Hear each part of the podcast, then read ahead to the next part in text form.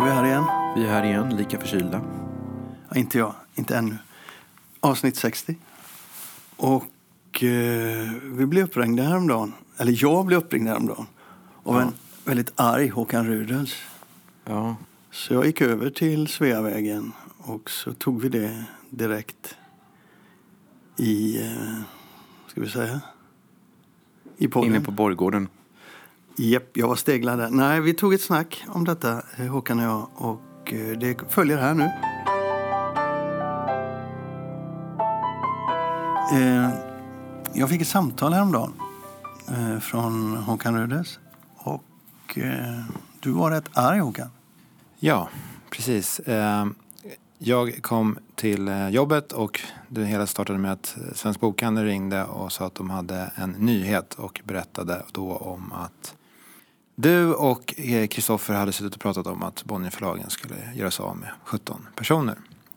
Sen eh, under dagen så eh, blev det här en ganska stor sak på många oroliga medarbetare eh, som hörde av sig till facket och till chefer och så vidare. Så vi fick eh, gå ut med eh, ja, information om att det här var bara hittepå eh, och att det inte låg någon sanning i det. Och sen tänkte jag en hel del på det där och blev eh, jävligt förbannad rent ut sagt för att jag inser att jag har ingen problem med att jag i min roll, jag har en, en plattform och en, en, en position och då ingår det att få eh, att det snackas lite skit och eh, man har massa åsikter och så. Men att sitta i en, för all del, podd där man, som man äger själv men ändå att prata på det här sättet utan att förstå konsekvenserna eh, på medarbetarnivå och individnivå som inte ska behöva vara oroliga för sådana här saker. Speciellt när det är liksom taget ur eh, luften.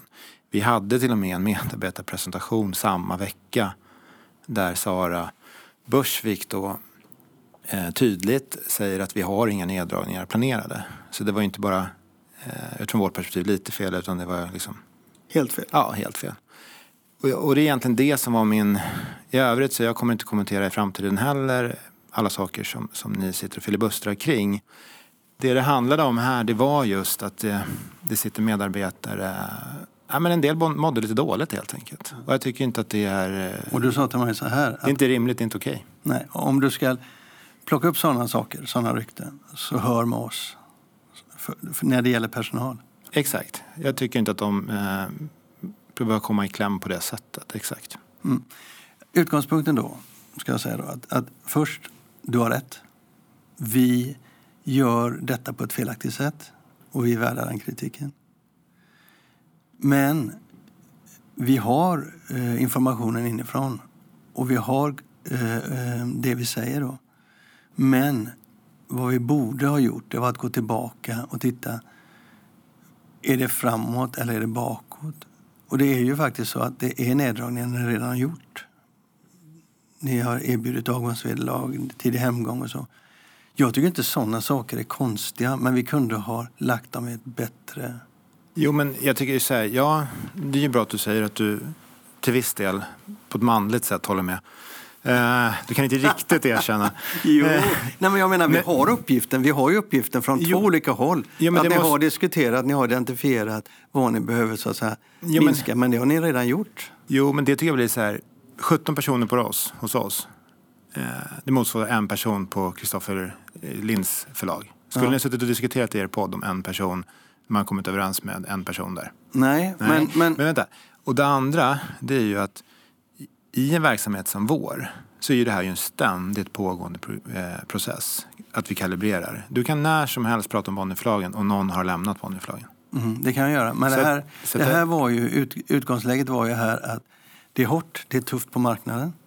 Och ni gör en eh, kalibrering som du säger då. Ni ser att ni behöver dra ner och ni gör Ni sparkar inte 17 pers. Det, där har vi ju fel. Men ni minskar med 17 tjänster. Ja, absolut. Vi minskade förra året också. Året innan med. Ja, jag vet. Jag har Men- ju skrivit om detta tidigare. Men det som var intressant nu och som är intressant i den situationen vi har. Det är att det är en press på förlagen. Och det är viktigt att veta. Nu ingen, ingen pratar, det finns inte så mycket att prata om det där mer än att ni minskar. Och det betyder ju att det händer saker och ting som är intressanta för branschen. Mm. Ni säger ändå att det är 17 personer som ska eh, få Ja, men vi- lämna framåt. Så att, Det är fel. Det är helt fel från vår sida. Vad vi borde ha gjort det är att gå tillbaka och tittat exakt vad de här 17 de här uppgifterna stod för. Och då hade vi fått veta ja, det är, en, eh, eh, det är 17 personer. Det är en minskning. Men det sker inte så att 17 får sparken utan det är avgångar, det är... Alltså de får avgångsvederlag, en del blir... ja, men sen så har ju eh, Och Stor, det har Stordalen redan. har ju hjälpt oss alldeles utmärkt på det här området. Ingår de sex? Ja, men det är klart. Menar, alla, alla som slutar ersätts inte och så vidare. Det är ju olika Ja, jag förstår det. Jag bara menar att nästa gång när du inbegriper medarbetare, Ja. hör av er. För att jag, jag, lovar, jag lovar. Och eh, vi tar, jag tar den kritiken. Det är jag, det är inte Kristoffer. Det, det är på mig du ska lägga det.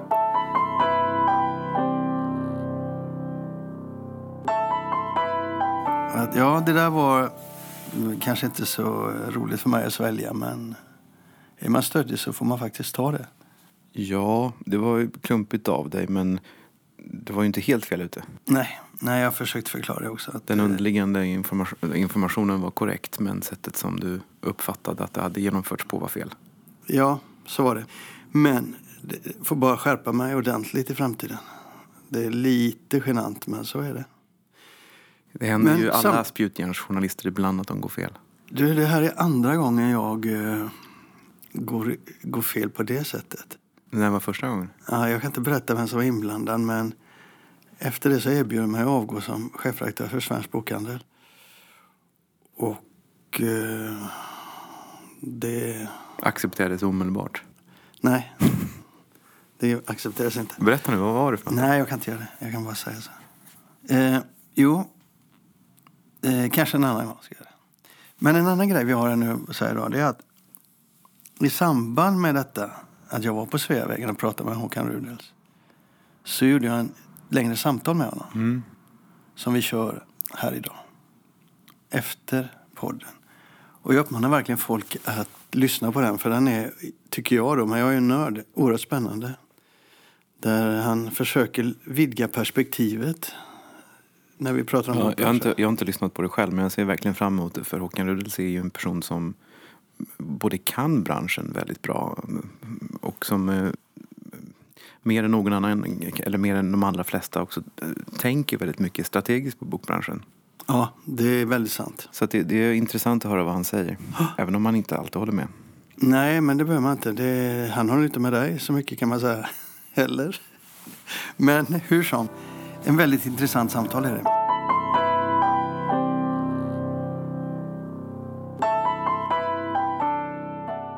Mm, det finns en evig fråga, jag på så här, men det är en fråga som ständigt kommer tillbaka med jämna mellanrum. Och nu såg jag den idén för ett tag sedan. De hade intervjuat författaren till Strindbergs stjärna. Jag tror det var i Svensk Bokhandel faktiskt.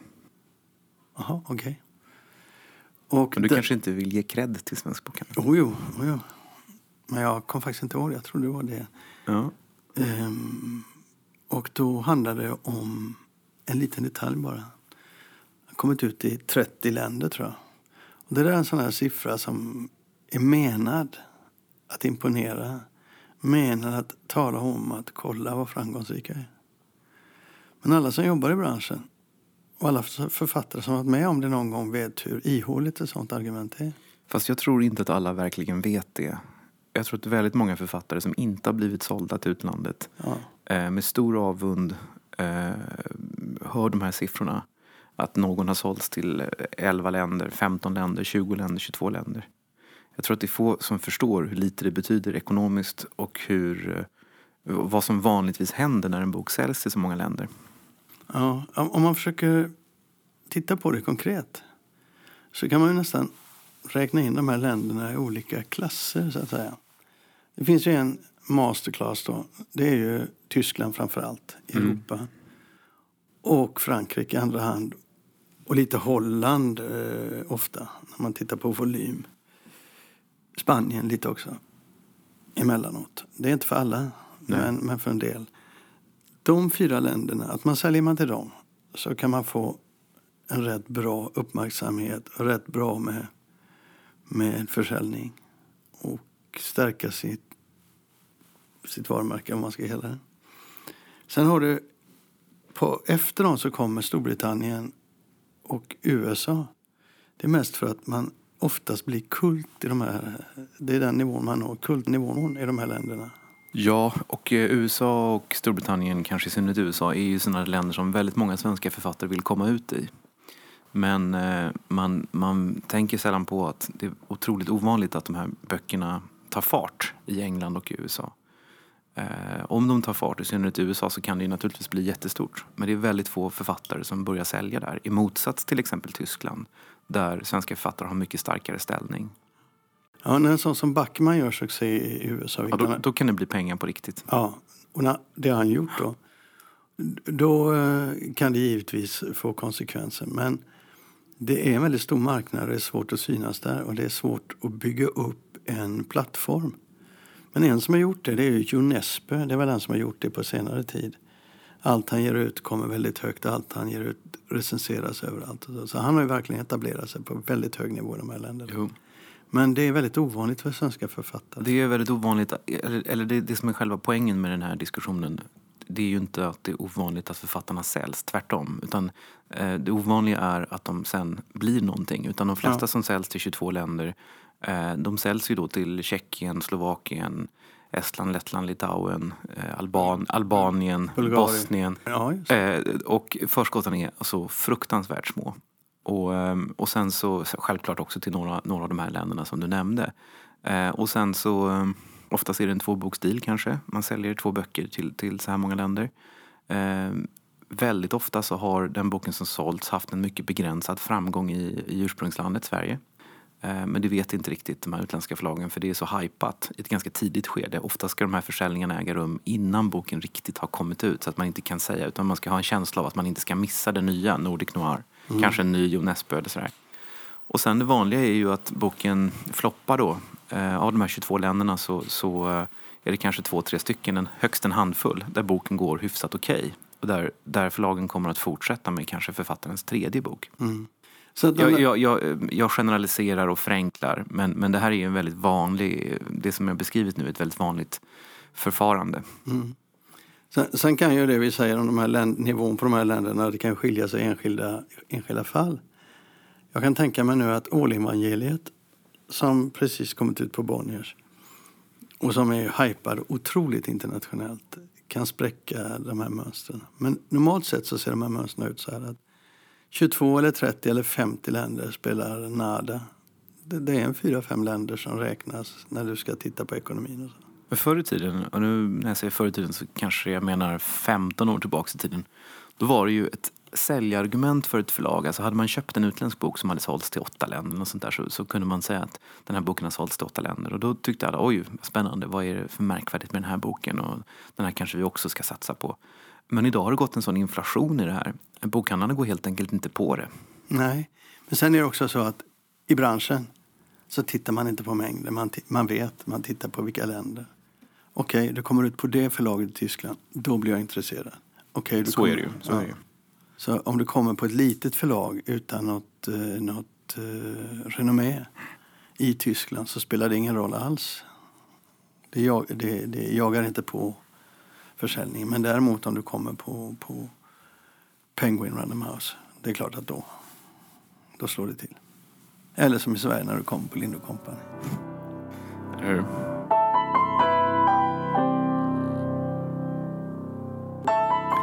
Ja, med, med tanke på vad ni nyss har hört nu så tänker vi att eh, nästa punkt är perfekt som en övergång.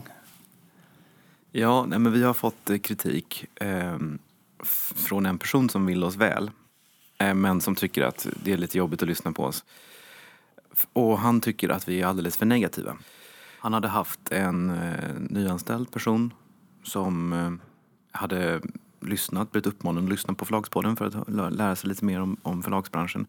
Och hon hade då fått intryck av att det här inte var någon framtidsbransch och sagt att det kanske inte är så att man ska jobba i bokbranschen. Och då var önskemålet att kan inte liksom försöka någon gång att vara lite positiv i alla fall. Eh, jag vet inte, jag, jag, reagerade, jag reagerade faktiskt på det eh, med viss irritation. Um, därför att vi sitter faktiskt inte bara här och gaggar. Uh, och ja, vi gaggar, men jag menar, inför varje program så har vi, har vi ju oftast olika nyheter som vi ska diskutera. Ibland så har vi även grävt, inte så ofta, men ibland har vi grävt. Och förra avsnittet så grävde vi och hamnade fel. Ehm, men eh, det är ju ändå så att vi styrs av nyhetsflödet och vad som händer. Och vi, styrs inte, vi sitter ju inte här för att förmedla någon särskild bild. Det är inte så att vi vill liksom, eh, svartmåla någonting eller att eh, sprida en positiv bild. Utan vi styrs ju helt och hållet av nyhetsflödet. Alltså, min om man tittar på utgångspunkten då så är det ju så att jag älskar ju den här branschen och jag tycker den är extremt viktig. I dessa tider dessutom. Jag tycker böcker är otroligt viktiga. Jag är en storläsare och jag följer branschen otroligt. Eh, och, och, det har jag tyckt nästan från dag ett. När jag klev in eh, som chefredaktör på Svensk Bokhandel. Eller rättare sagt som frilansreporter först. Så det har alltid varit så att jag tycker väldigt mycket om branschen. Så det är en positiv ingång från Absolut, min sida. men jag, det är ju, bokbranschen är ju en bransch som, som eh, är fylld av människor som oftast drivs av passion och människor som oftast är väldigt engagerade i det de gör. Och som söker sig till bokbranschen inte för att tjäna pengar eller för att den växer så fullt och det finns så fantastiska karriärmöjligheter utan för att de faktiskt brinner för, för branschen i sig. Så det är ju en, det är en bransch som är ganska rik på kompetens och rik på personligheter. Eh, men det är ju lite grann både din och min utgångspunkt. Precis. Men sen är det ju så, vilket, vilken är utgångspunkten när vi sitter så här?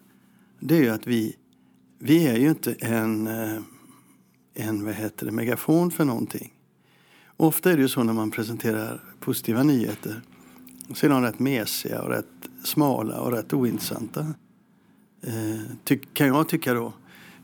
Eh, när man jagar nyheter eller när man vill berätta berättelser om vad som händer i branschen. Eh, de gångerna vi kommer över de här positiva nyheterna så kör vi dem. Absolut. Men det är inte så ofta. Men den, den, liksom, den underliggande drivkraften det är ju att förstå. Det är ju förståelse. Varför mm. sker saker? Och vad, hur hänger saker ihop?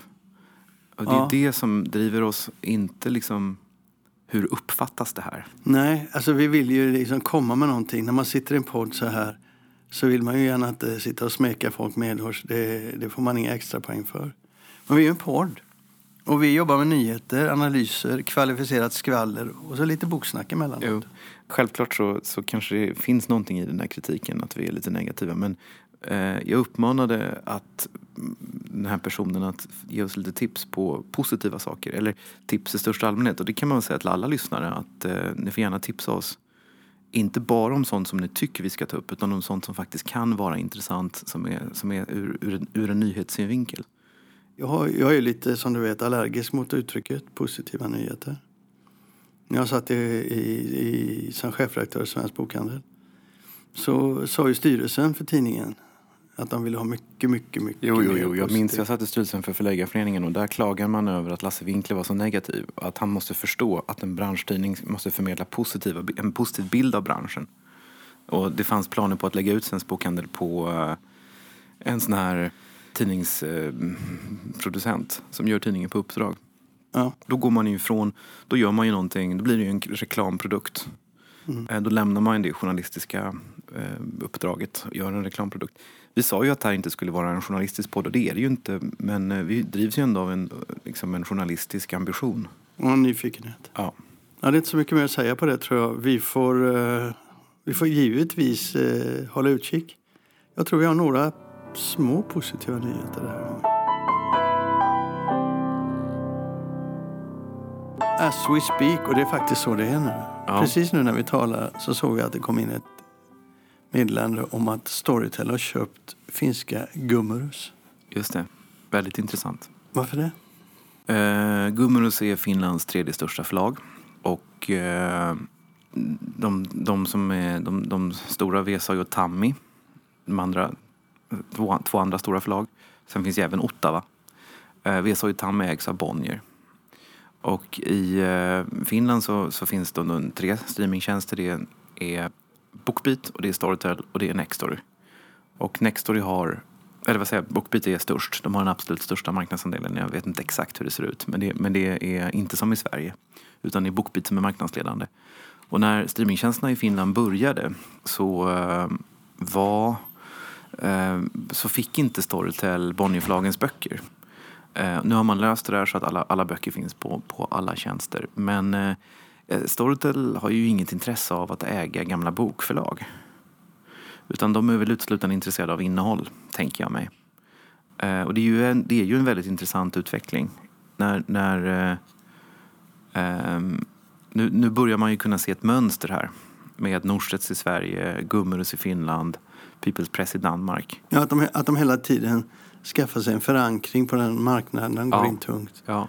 Och då blir det ett förlag så att de kan garantera att de har tillgång till... ja, och på sikt så kan det här ju eh, rimligtvis, gissningsvis också leda till att streamingtjänsterna kanske ändå kommer att skilja sig åt lite mer än vad de gör idag. Och att eh, streaming, eh, streamingtjänstens ägare och streamingtjänstens ägares förlag hänger ihop på ett, på, ett, på ett tydligare sätt än idag. Som en följd av den här affären så lär du väl få en mer... Eh, en förändring av Gummerus innehåll. Försäljningsprofil, ska vi säga. Eh, ja, det är väl möjligt, men eh, det där man ju, talade man ju väldigt mycket om när, när Storytel köpte Norstedts. Så att nu, hur ska det gå nu? Och kommer, Nor, kommer Storytel att förstå eh, Norstedts gamla fina affärsmodell och sådär? Men vad vi har lärt oss av den affären är väl att Storytel var en väldigt klok ägare som inte la sig i särskilt mycket. Eh, Norstedts fortsatte på, precis som vanligt. Eh, det bästa som kanske har hänt är väl att man kanske har ham- kommit, kommit in med lite mer kunskap om det digitala. Och det hade ju Norstedts behövt i vilket fall som helst.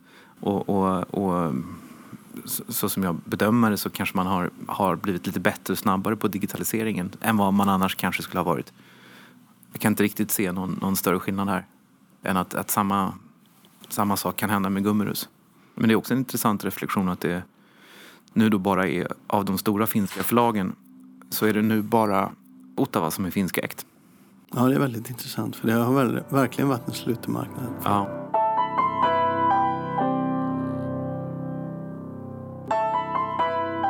Som vi sa i början av programmet så har vi idag ett, ett samtal med Håkan Rudels. Ett lite längre samtal.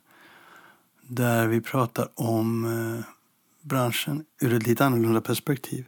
Och för min del är det väldigt intressant att prata med Håkan eftersom jag har följt honom under alla mina år i branschen. Från det han var bokhandlare till där han är nu när han är vd i Bonnier Books.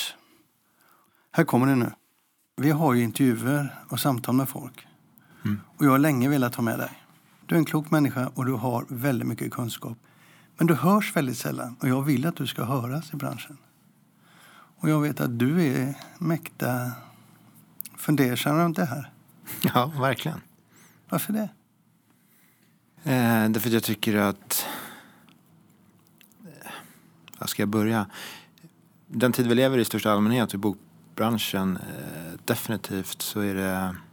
Jag tycker inte att det är särskilt många som är intresserade av Eh, det, det är lite större samtalet utan det blir väldigt polariserande direkt. Man är för eller man är emot. Man är snäll eller dum. Eller man är svart eller vit eller vad jag nu ska säga. Så att jag tycker liksom det, det behovet av eh, ja, större, större samtal, mer komplexa samtal, ett resonerande samtal har nog aldrig varit... Vi har nog aldrig haft ett större behov av det i branschen. Men jag tycker inte att...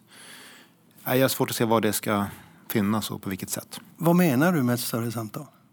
Ja, men i, I de tider vi lever i, i vår bransch med så kraftiga förändringar eh, och jag tror ju att vi kanske står inför de största förändringarna. Vi har inte sett eh, vi har inte sett allt än så att säga utan jag tror att nu kommer liksom andra vågen. Och det finns inga enkla svar, det finns inga det finns inget tydligt recept för eh, hur vi eh, olika aktörerna i branschen ska agera utan det är rätt mycket prova sig fram, det är rätt mycket nyfikenhet eh, som behövs. Och då, det är egentligen det. Därför tror jag att det är svårt att ha så otroligt så här, klara, bestämda uppfattningar om allting. Eller det är inte så svårt att ha det, men jag tror att det är farligt att ha det. Det är väl så. Jag tror att ordet är nyfikenhet. Mm. Och med tanke på den kunskapen som du sitter inne på. Ni har ju en organisation som har, ni är internationella. Ni finns över de, på den viktigaste marknaden i världen mer eller mindre. Och ni har en Ja, kunskap... in, inte USA då. Men, Nej, men ni har en kunskapsinhämtning som ingen annan har i Sverige. Så ni har ju någonting att berätta om ni vill. Men ni, gör ju, ni har fokusgrupper, ni gör analyser, ni tittar framåt. Och vad är det du ser då som du tycker man borde prata om? Ja, men alltså, och det har vi bidragit till också i och för sig, men till exempel diskussionen kring, kring eh, prenumerationstjänsterna eller digitaliseringen av den svenska, jag skulle egentligen vilja säga den nordiska bokbranschen. Eh, vi ser samma, ganska samma beteende i Norden och sen ett annat beteende i övriga marknader. Den diskussionen har ju kokat ner till, och det är ju inte minst på grund av eh, diskussioner mellan Bonnierförlagen och, och Storytel, men har kokat ner till eh, villkor. Eh, per styck eller per timme och så vidare. Revenue share och inte och så. Det är liksom det som diskussionen har hamnat i.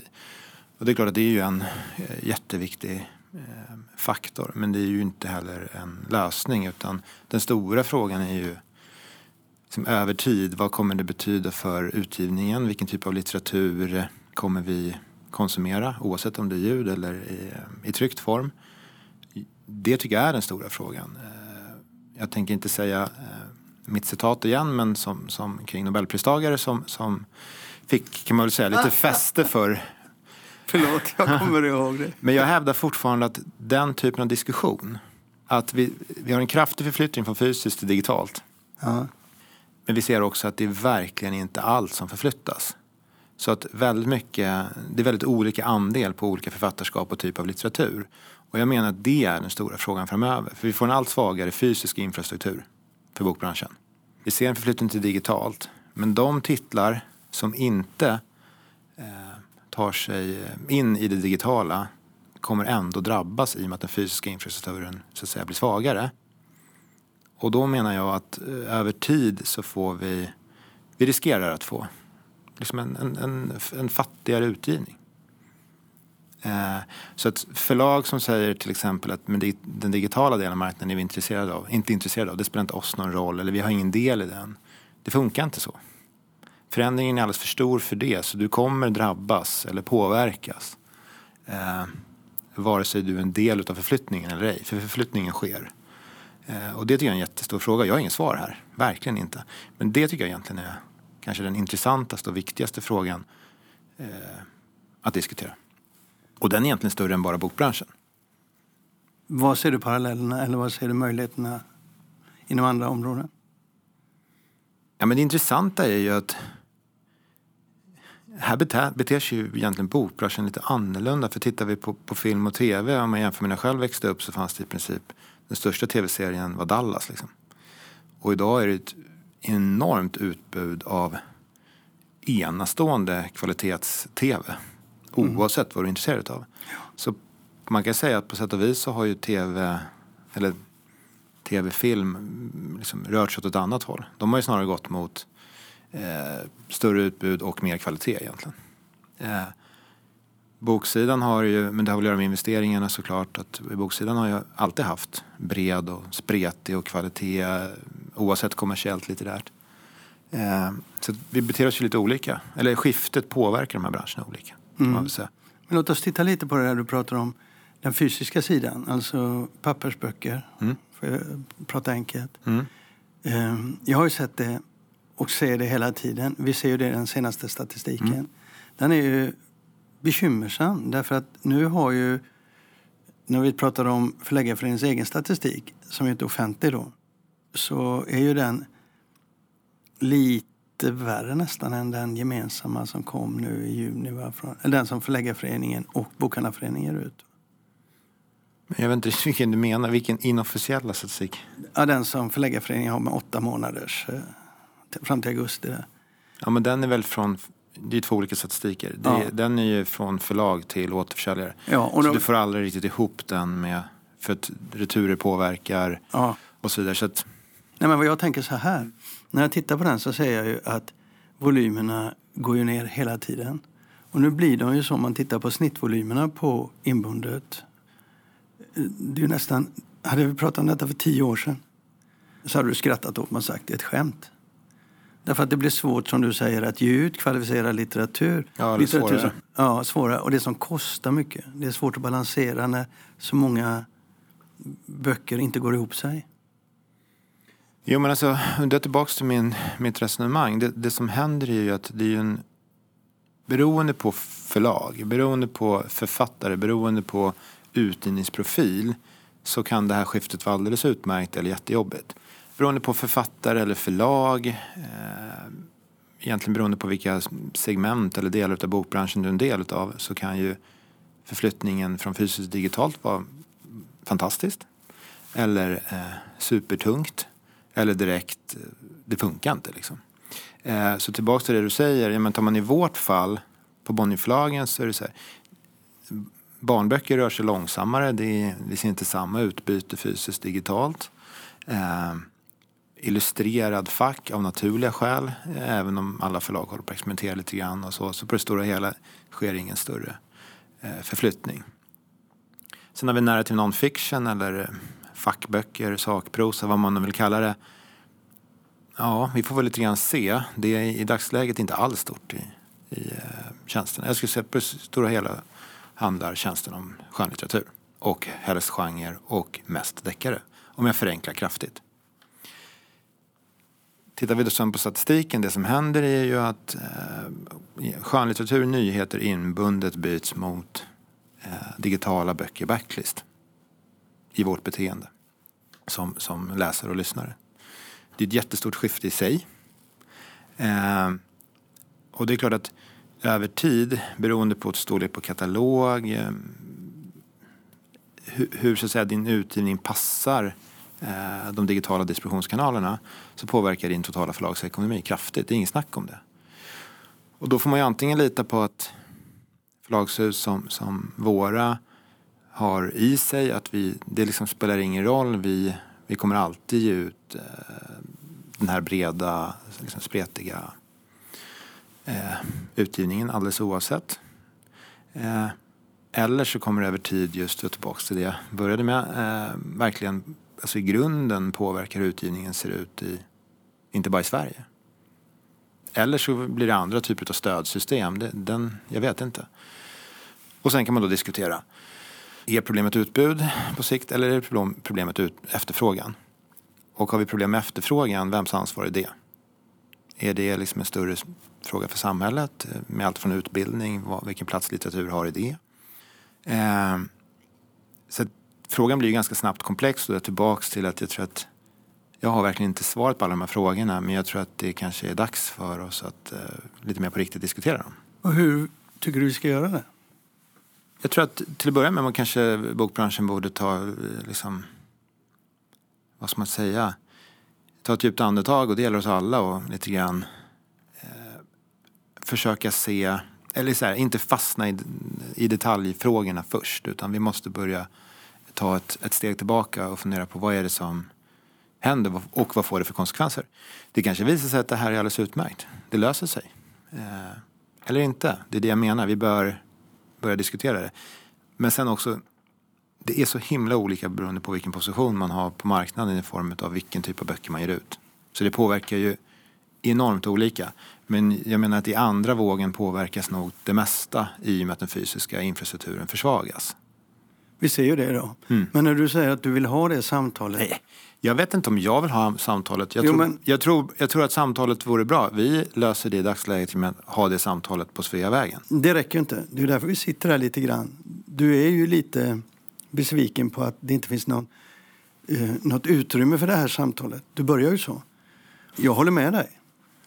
Jag skulle vara oerhört glad om det samtalet fördes och att det fördes eh, på en intelligent nivå. Alltså där man verkligen kan se att man får, om inte svar så har man frågorna. Frågorna är ju viktigast i, i det här läget. Det börjar i den änden. Ja. Och då, och då funderar jag när jag mig omkring.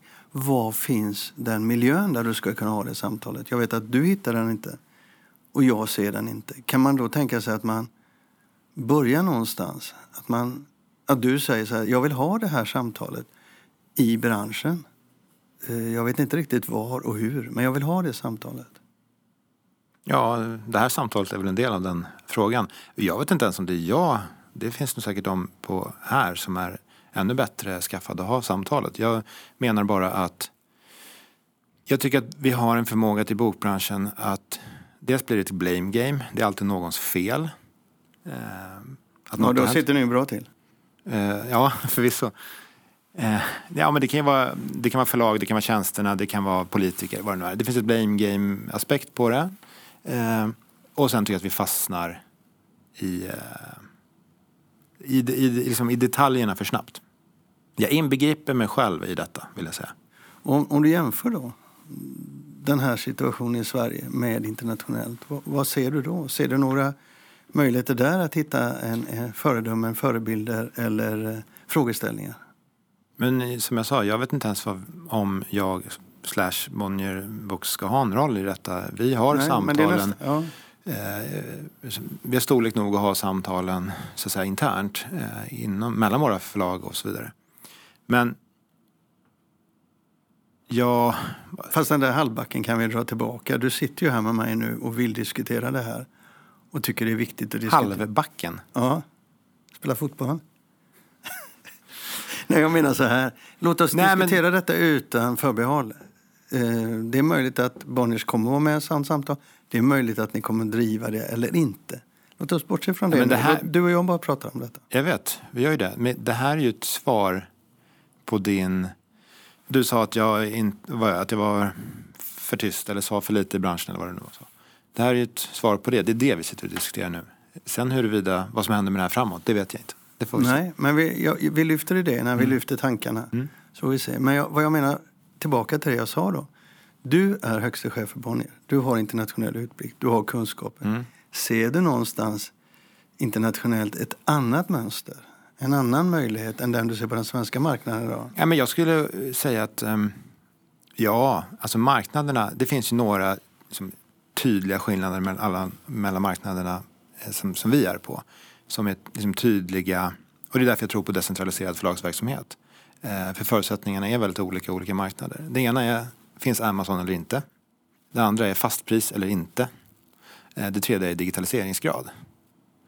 Den fjärde skulle man ju kunna, liksom, den är ju svårare att så här, mäta eller säga bu eller bä kring. Men det är ju liksom intresset kring eh, kultur i allmänhet, litteratur i synnerhet, mera som nation eller land.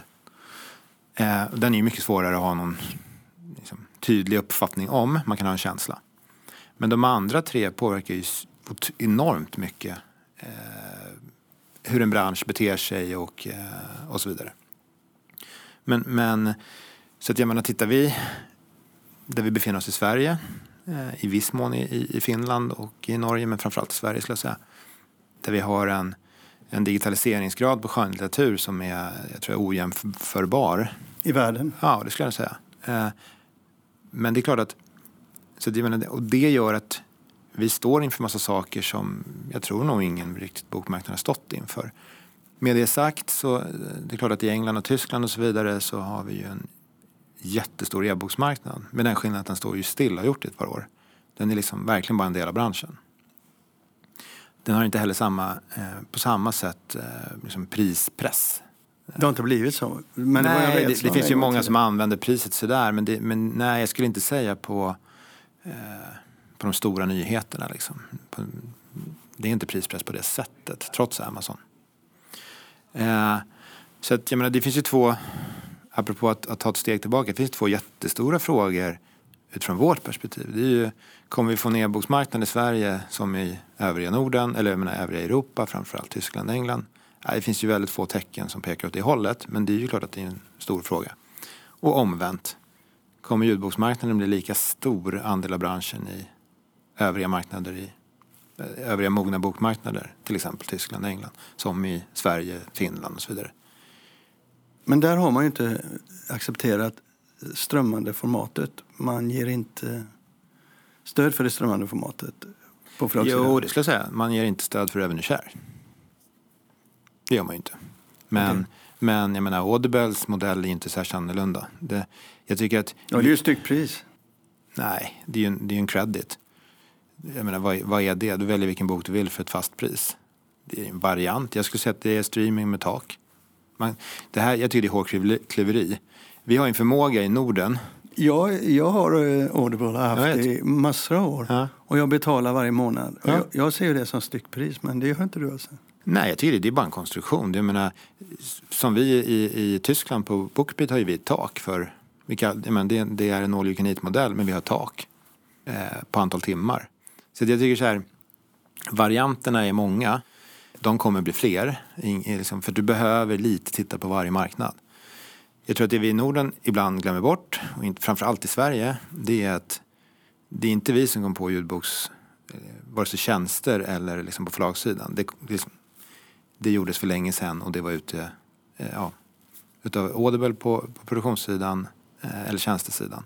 Och sen köptes av Amazon. Och beteendet på ljud är samma överallt, en enorm tillväxt. Men den stora frågan är ju just, får vi samma eh, stora andel ljudböcker i Tyskland och i England till exempel som i Sverige? Då har vi helt andra bokmarknader där också.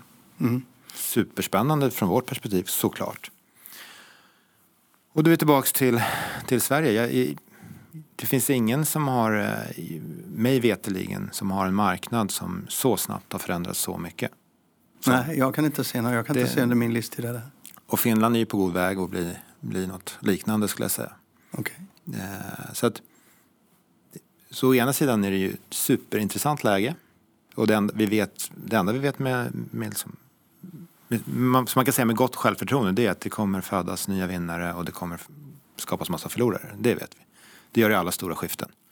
Eh, men eh, ja, det saknas ju inte utmaningar. Nej, men sen har du den där frågan som du var inne på förut. Eh, när vi talar om vilken typ av utgivning vi då får. Allting står ju under, eh, så att säga, inte ifrågasatt, men allting står under press. För när du får en annan ekonomi så får du en annan fråga om är den boken möjlig att ge ut? Vi ser att på marknaden skulle när man analyserar så ser man att den typen av bok har inte tillräckligt många köpare i Sverige idag så vi kan inte ge ut den. Medan den boken har det, den boken har det, den boken har det. Och där ser ju media då när, när eh, kulturjournalisterna går loss på det så säger de att den blir mer enfaldig, den blir mer infantil. Jag vill inte diskutera det här för det här är begrepp som eh, blir lite inte så intressanta. Men dock, de används och eh, Nej, men jag... du, ser, du ser det skiftet? Nej, inte, jag, ja, jag ska väl säga så här. Jag har inte tillräcklig koll på liksom alla förlag i Sverige för att ha en väldigt tydlig uppfattning. Jag kan titta på vår egen utgivning. Och jag menar, oavsett vad folk säger så skulle jag säga nej. Det ser jag inte idag. Det är inte så vi beter oss. Jag tycker det intressanta är just, men dra den här linjen fem år framåt i tiden.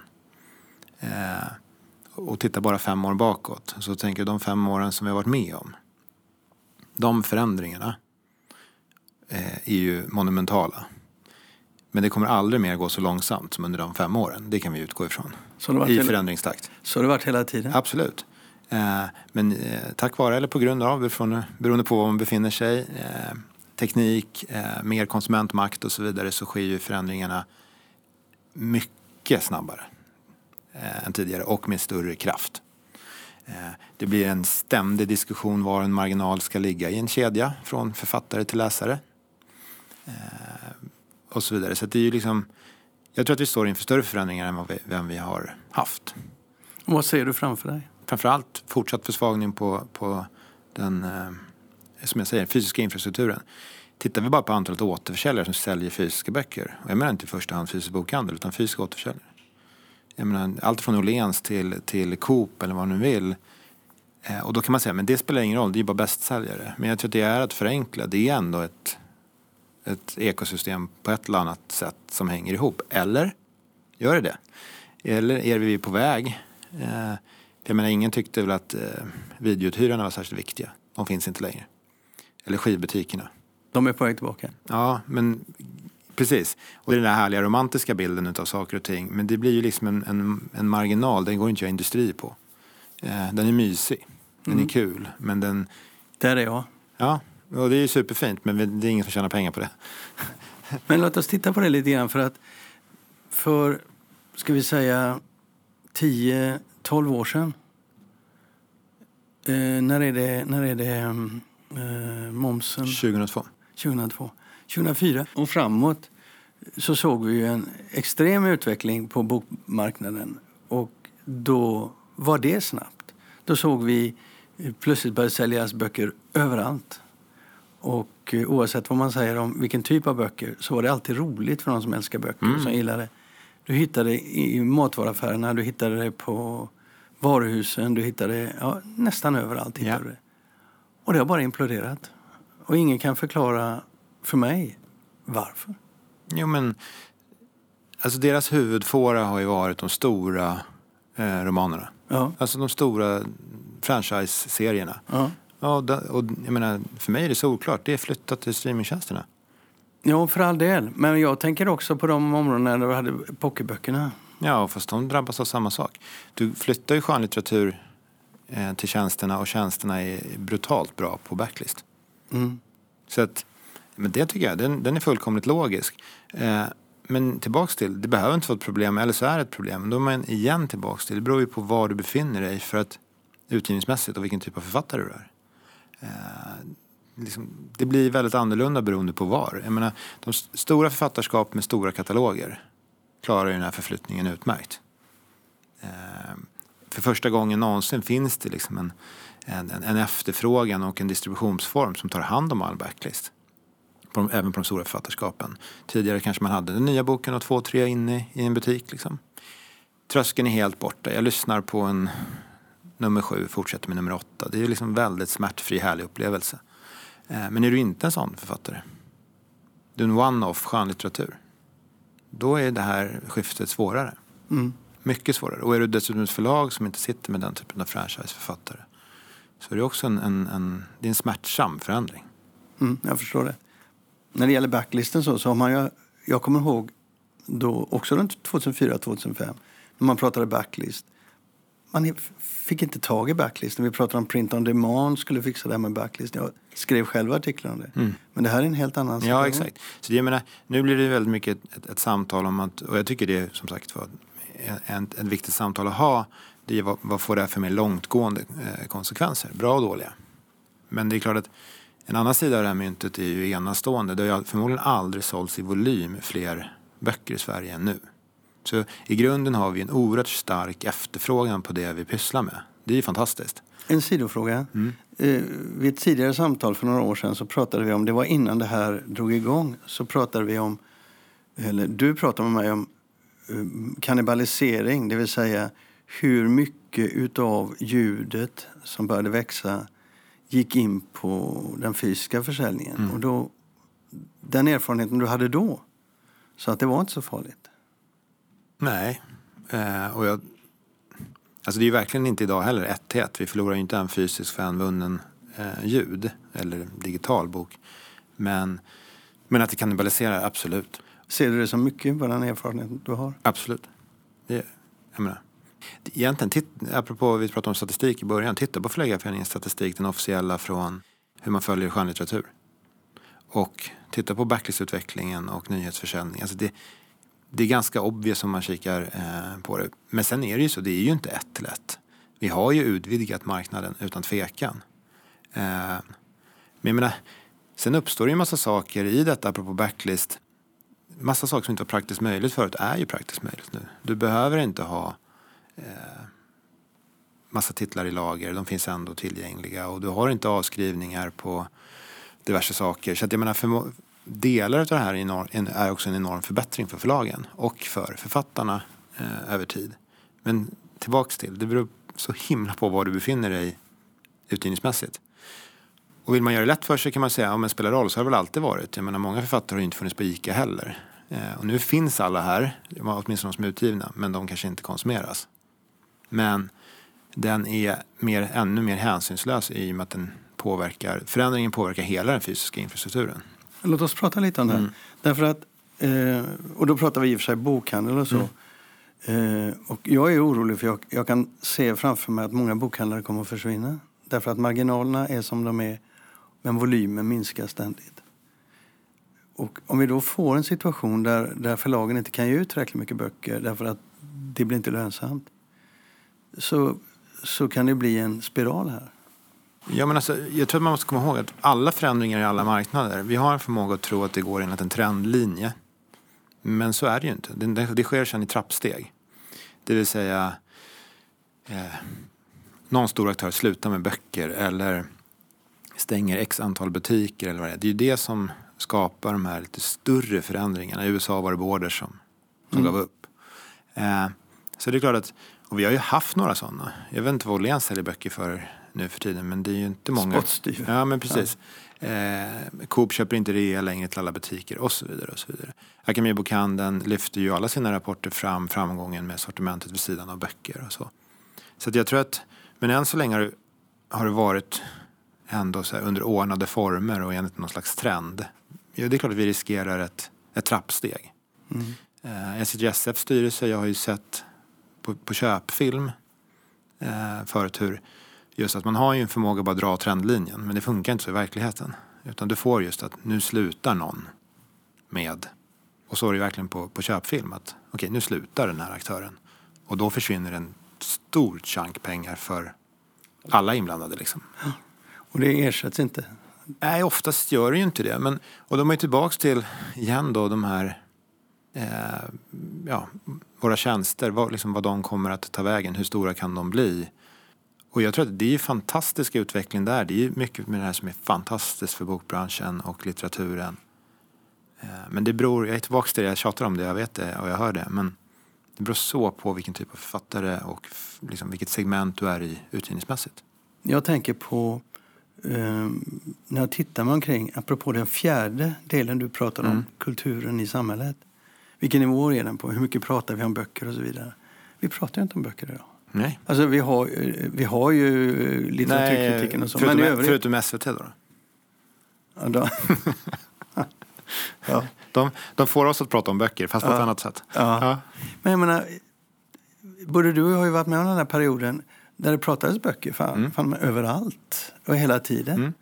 Och det påverkar direkt hur vi ser på böcker. Det påverkar, för det påverkar det här enkla, vad ska jag köpa för present? Ja, ja, nej men absolut. Och du ser också, du hör talas om en författare, den måste jag testa. Så. Det ser du inte längre. Jag kan inte, jag kan inte hitta något enkelt svar på hur, hur eh, tidsandan har... Nej, men det, jag tror det, det är allt möjligt i det. Det ena är ju att, som vi var inne på initialt, att mängden kvalitets-tv, om man nu vill kalla streamingtjänsterna på det området för tv, då, eh, är ju monumental. Jag menar investeringarna som görs från Apple, Disney, Netflix, Amazon, HBO. Jag menar, det går ju inte, det, ingen kan ju konkurrera med det. Så det är ju mycket av lägereldsnacket idag. Det är ju så. Det är, jag menar, hela våren har vi alla pratat om Tjernobyl. Liksom. Så att, du har hela den aspekten. De, de har ju tagit en stor del av det. Utrymmet. Ja, exakt. Men det som är skickligt gjort av dem, det tycker jag man får man ha respekt för. Det handlar inte bara om pengar. Det är att de har lyckats göra det med rätt mycket. Alltså, vi har ju ändå fått oss alla att prata om kvalitets, liksom, underhållning. Ja. Det är respekt tycker jag. Liksom, Det är inte att, de har ju inte valt en, alltså, minst tuggmotstånd alla gånger. Det kan man inte säga. Nej, det har Eh. varit en, en del otroligt bra. Ja, men exakt, jättemycket sånt. Så det har nog tagit en stor del av eh, så här, boksnacket. Men sen får ju vi i, i liksom förlagsbranschen vara självkritiska också. Mycket handlar om att vara relevant. Är vi relevanta nog? Utmanar vi eh, tillräckligt? Tar ni del i samtalet i, i offentligheten? Ja, den har man väl det också. Eh, ja, framförallt lyckas vi vara en del av det nya offentliga samtalet. Som kanske inte utspelar sig på DN Kultur, eh, utan bredare än så. Eh, jag vet inte. Jag vet inte heller riktigt vad det samtalet förs, ärligt talat. Nej, Men, det, det men vi ser ju också, vi ser ju också ja, men det får man också säga att jag menar, förlagsbranschen har ju levt i perfekt symbios med traditionell media. Och sen när bådas liksom, tillvaro kastas om så har vi ju inte riktigt funnit eh, ja, det, Det- nya sättet då. Eh, och då är jag tillbaka till det jag sa innan, det handlar ju om nyfikenhet. När vi gjorde allt från Selma Stories här till vad det är så får, och det tycker jag är liksom, i typiskt bokbranschen, då, då raljerar man över det eh, istället för att tänka så här, att okej men de provar något. Vet vi om det kommer bli enastående eller inte? Nej, såklart inte. Men vi kan inte heller konstatera att det brinner runt omkring oss. Det bästa vi kan göra är att sitta på händerna. Förmodligen inte. Vi bör agera. Så det är så här, man måste prova sig till fram. I det lilla, i det större. Jag tror att det är ganska viktigt. Men tillbaks till relevans. Jag menar Ålevangeliet nu. Det var ju länge sedan vi såg en bok som snackas om på det sättet. Det är ju Ja. superkul. Men det är ju en förläggare och författargärning från början till slut. Det finns ju ingen data som skulle ha eh, jag menar, hjälpt oss att, hörni, ni borde ju skriva en bok om den mystiska ålen. Liksom. Eh, så jag tycker också vi har ju alla som förlag att fundera på, är vi säga, relevanta nog och intressanta nog? Eh, vi har förfinat franchise-delen, det är vi ju extremt bra på i hela branschen. Men med data, med tjänsterna så finns det ju också en risk att alla springer in mot samma mitt. Och vad händer då? Ja, men då blir, riskerar vi att bli ganska ointressanta. Så att vi måste ju också se till att ta oss ut från den här mitten och överraska och utmana. I alla genrer. Jag pratar även i det mest kommersiella. Gör ni det? Jag tror att alla kan göra det mer. Eh, men vi pratar mycket om det och eh, jag tycker att i det lilla är väl Ål-evangeliet ett exempel på det. Det finns ingen logik i att ge ut den boken, det är därför det är så logiskt. Daniel då som är förläggare för den drar alltid exemplet med motsvarande exempel på tv-sidan är ju Tjernobyl. Han brukar säga att, och någon hade sagt till mig för något år sedan att den, liksom, den mest framgångsrika serien efter Game of Thrones på HBO kommer att vara gjord av E-Types kompis. Eh, det kommer att handla om en av de största miljökatastroferna någonsin, kanske den största. Eh, det finns ingen musik i hela serien och den enda sympatiska personen hänger sig efter tio minuter. Så hade det låtit helt orimligt. Ja, den är ju svart, svart, svart. Ja, och en... den är enastående bra. Ja, absolut. Så det finns något i det där. Så det, jag menar, det är klart att det finns ett ansvar på, på förlagssidan också. Men igen, jag har, jag har verkligen inte de exakta svaren här. Men nu sitter du som högste chef och så ser du olika marknader agera olika. Det är till att bli lite schizofren emellanåt va? Ja, ja, så kan man säga. Men samtidigt så har vi ju då förmånen att eh, jag menar, nästan allt vi ställs inför, inte allt, men har vi på ett eller annat sätt varit med om i någon marknad. Så det finns ju mycket utbyte ur det perspektivet. Som jag sa, vi driver en väldigt decentraliserad förlagsverksamhet. Eh, utgångspunkten är att eh, liksom förläggare i, i, respektive förlag måste fatta sina egna beslut eh, utifrån förutsättningarna där och då. Men sen finns det ju liksom eh, trender, eh, beteenden och riktningar som man eh, kan dela. Utan tvekan är det ju så hela exklusivitetsdiskussionen i Sverige på ljudbokssidan den är ju urgammal internationellt utifrån ett audible-perspektiv. Eh, till exempel. Mm. Så att, eh, nej men det är ja absolut, det är superolika. Och sen fastpris, fripris, vi inte tala om det. Amazon och inte Amazon. Alltså det... Du, Amazon. Det, jag kommer ihåg när, de, när man pratade om dem som att de sänkte priserna, för det gjorde de väldigt mycket. Men det gör de ju inte. Nej. Alltså, det är det jag tänkte fråga dig om. Vilken erfarenhet är din när det gäller Amazon och prissättningen? Nej, men att den är, helt omöjlig att förstå sig på såklart. Jag har ingen aning exakt hur den går till såklart, det vet väl ingen. Men, men det är ju inte så att i varje marknad är Amazon prispressare. De är ju jättetuffa mot förlagen, absolut. Och förmodligen alla andra också i förhandlingar. Men det är ju gemensamt för alla stora företag tror jag. Men det är ju inte så att till exempel den här diskussionen om huruvida, alltså Amazon är vår största kund i Moneybooks, By far. Mer än dubbelt så stort som nästa i vår grupp. Eh, ska jag börja med att säga. Men, men hur som helst, om Amazon kommer hit, jag tror ju inte att det är priset de skulle så att säga vinna om de, på om de skulle vinna. Utan det är ju det enormt eh, liksom, laddade varumärket i kombination med om de lyckas lösa liksom, hela logistikbiten. Mm. Utbudet, svårt att vinna på det. Pris, alltså böcker är enastående billigt i Sverige redan. Eh, och jag har också svårt att se, och det har jag ju sett i många marknader, det är liksom, vad är poängen för dem? De blir ju inte av med all konkurrens. Så varför ska de liksom vara loss leader? Det finns liksom ingen poäng. Men Fast har de... de har varit det väldigt länge. I USA? Jo, men, men, du får ju liksom en, efter en stund så får du ju en size som är tillräckligt stor. Men de är inte dyra och de är billigast inom vissa segment och på vissa titlar men de är inte alltid billigast på allt. Liksom. Det är inte... Nej, men jämför du Audible i Storbritannien och USA så är det mycket dyrare i USA att prenumerera på en bok. Fastän styckpriser på de här böckerna ändå är ungefär på samma nivå. Det har, alltid, det har förvånat mig. Alltså, ja. Det är stor prisskillnad. Ja, det har jag ingen... vet inte hur, hur det kommer sig. Jag tror att liksom, Amazon kommer alltid vara en stor liksom, svart låda. När det gäller, alltså, man får inte veta mycket av dem. Nej. Det, och det är ett stort problem internationellt i och med att det är den dominerande bokåterförsäljaren såväl framförallt digitalt men även fysiskt. Det är att du får inte någon data från dem. det är ju en annan jättestor fråga över, över tid. Alla förlag behöver mer konsumentinsikt, mer kontakt med slutkund eller läsare eller lyssnare. Eh, och sitter du då i en marknad med den typen av aktör som inte delar med sig så du, kommer ju, du försvagas ju för varje dag som går. Mm. Så, enkelt är det. Det är därför många förlag håller på med diverse eh, liksom konsumentinitiativ och försöker bygga upp stora e-postlistor och annat. Men det är ju enormt svårt mm. för alla och förlag har normalt sett inte det i sin egen DNA. Liksom. Eh, att pyssla med det. Nu, nu har vi hållit på här rätt mm. länge. Vi kan hålla på tre gånger så länge. Har du någon avslutande aspekt av branschen som du vill ta upp?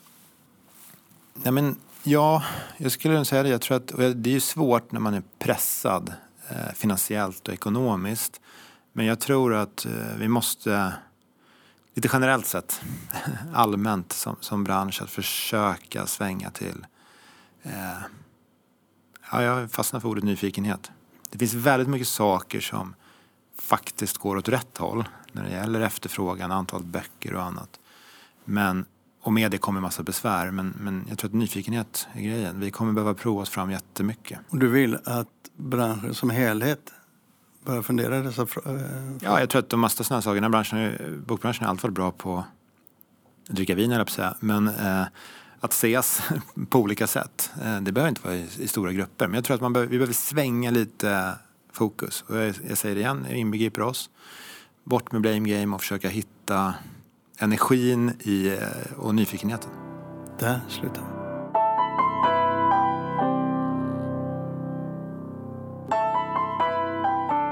Ja, ibland måste man ta tillfället i akt när man får en chans att prata. Och det gjorde vi där. Men det var allt från eh, Förlagspodden, avsnitt 60. Vi hörs om två veckor. Hej då!